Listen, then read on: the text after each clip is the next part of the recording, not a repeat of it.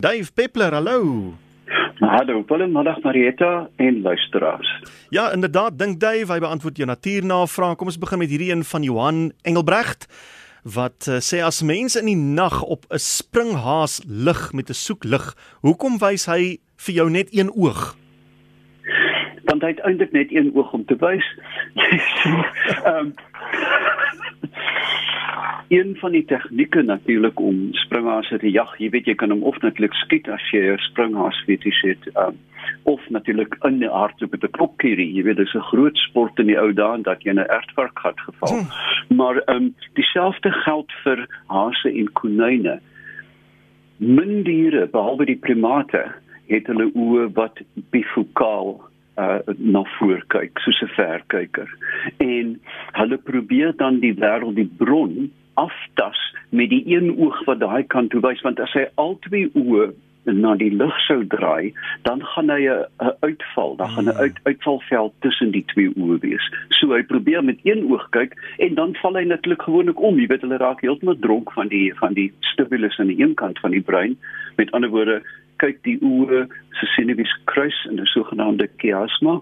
Met ander woorde as jy in sy linker oog um, skyn dan is sy regte breinlobbe daarmee heen. Ehm um, en voel tog uh, dit is net 'n funksie van hoe hulle uh, hoe hulle uh, bestaan. Jy weet ja. uh, uile natuurlik het uh, bifokale visie, maar min ander diere, akedisse, walvisse, almal kyk net na die kant. My maggies, goed.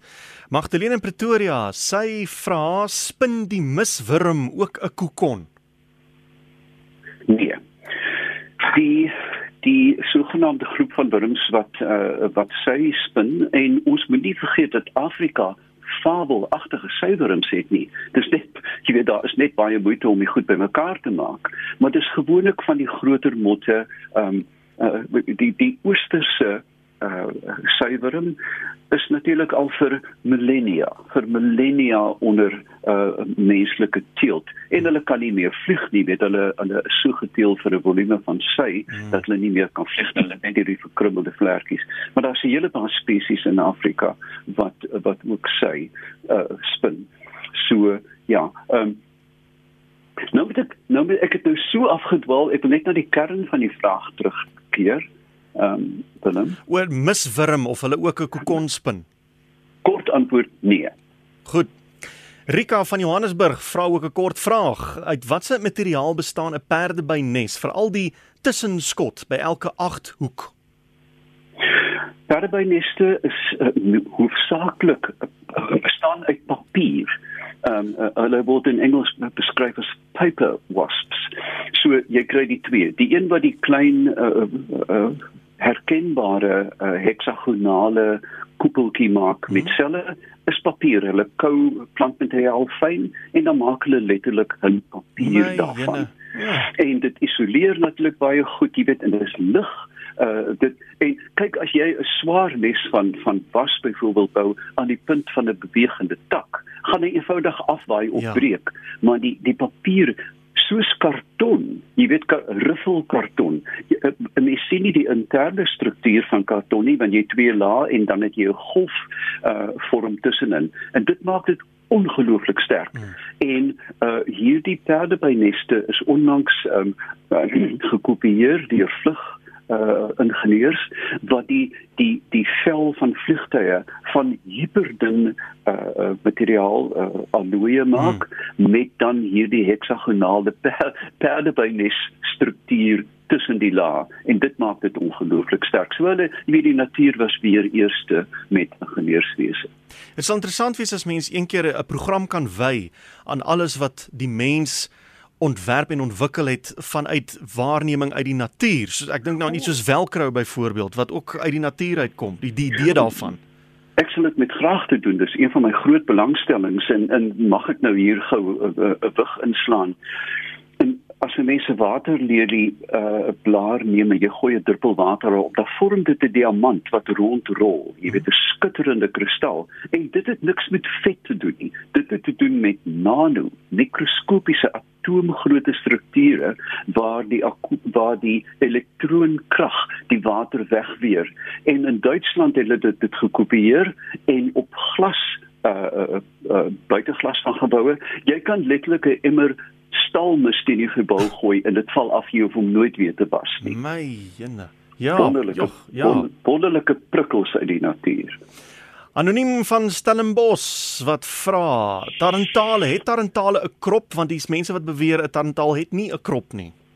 Nee, hulle het 'n krop, nie noodwendig so groot soos 'n soos 'n kropduif of 'n hoender nie, mm -hmm. maar maar hulle het wel 'n krop, ja. Uh, daar is 'n aantal mites, jy weet dat die tarantaal het nie 'n krop nie, 'n slang byt sy stert vas en rol in die berghof of suig die koeie leeg.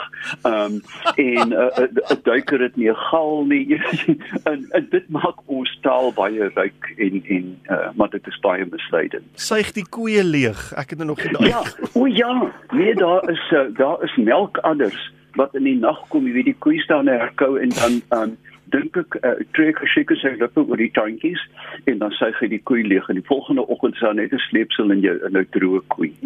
'n baie dik nagadder wat er, baie dik melkadder. Wat by die heuwel afrol nadat hy sy stert vasgebyt het. Hy sy stert vas en rol weg. uh, uh Christopher Mills in Queenstown. Hy vra hoe oorleef 'n bergpadda, veral die Tafelberg se spookpadda in tye van droogte, veral as daar nie mis of reën is nie.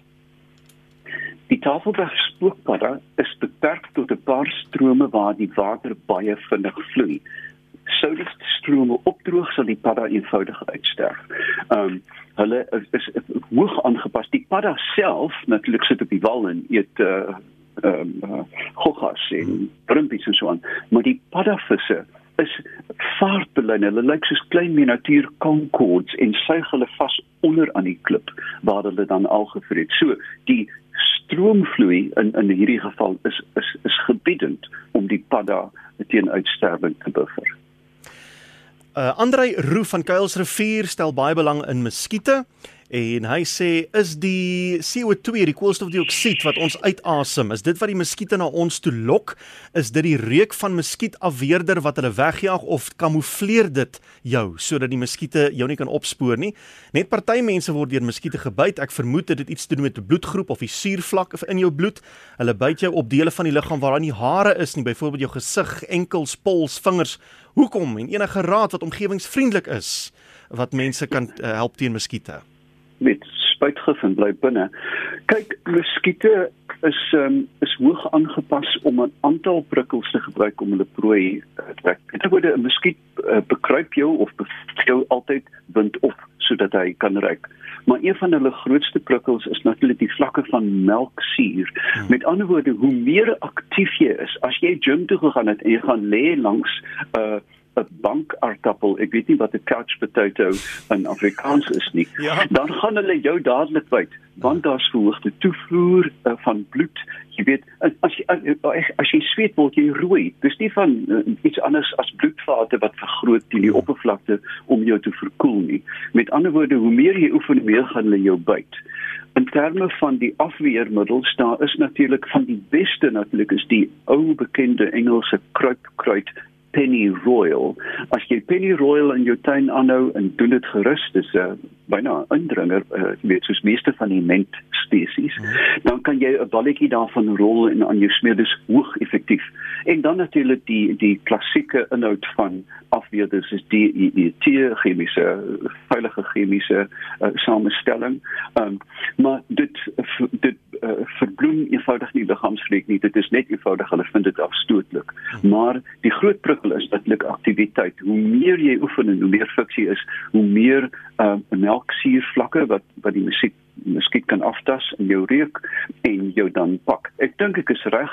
Um, maar dan eintlik gebruik hulle ook CO2 in teenstelling met tsetse vliee wat byna uitsluitlik op CO2. As jy deur 'n uh, 'n um, 'n uh, uh, tsetse area ry met 'n voertuig, ja? dan is daar altyd 'n wolk en jy ry stadig van 5600 tsetse vliee wat die uitlaatgas volg. My jene, sjoe. Ja, okay. nee, ja, as jy stop, jy weet dat jy bloedoortapping nodig. Gert Miller, hierdie een kom van hom af. Hoe werk 'n skilpad se asemhalingsstelsel met dit dat hy nie beweegbare ribbes het wat die volume van die longkamer kan verander nie? Oulike vraag. Natuurlik, die die liggaam is aangepas, die die dop is rigied daar. Daar is een skilpad wat wat wel 'n skanier in het. Jy weet hy kan effens buig, maar dit het niks met asemhaling te doen nie. Maar jy kan dan as jy die skilpad sou dissekteer, sal jy sien dat daar wel oop ruimtes lateraal is vir die longe om te funksioneer. Met ander woorde, hulle het nie die dop as sulks nodig of die stukkies wat uit die die kielibakke nodig om asem te haal nie. Dit is als in geïnternaliseer en daar is ruimte vir die longe om te beweeg. Iemand wat meer inligting wil hê oor die stok insek, daai een wat lyk soos 'n vuurhoutjie wat jy nie mooi kan sien nie. Uh het jy vir ons miskien meer inligting daaroor waar dit voorkom en uh, hoe hulle voortplant en al die tipe van dinge? Dit is hulle ek ek Ek nou moet ek nou moet ek vinnig dink. Ek het 'n vermoede dat hulle hulle naaste verwante spesies die springkaan is as ek dit reg het. Ehm um, en hulle is natuurlik van die mees hoog aangepaste insekte wat wat na ekstreme forme uh, om vorm het om te kamoufleer. Ehm um, maar van hulle van hulle biologie weet ek niks nie en ek vermoed dit is dalk nou 'n lekker vraag om op my uh, media te beantwoord vanaand. En dit is juis op daai noot dat ons moet afsluit. Mense kan jou gaan volg op Facebook, jy het ook 'n webblad. Dave baie dankie. Jy's uitstedig uh, volgende week, maar ons gaan 'n plan maak. Ons maak 'n plan. Ek gaan klim tot ek 'n sein kry. Ek is in die Kamiesberge. Ek kan nie wag nie. Goed so baie dankie. Dis dan Dave Peppler en uh, jy kan hom volg op sy Facebookblad. Jy soek maar net onder sy naam Dave Peppler en hy het ook sy eie webwerf www.davepeppler.com.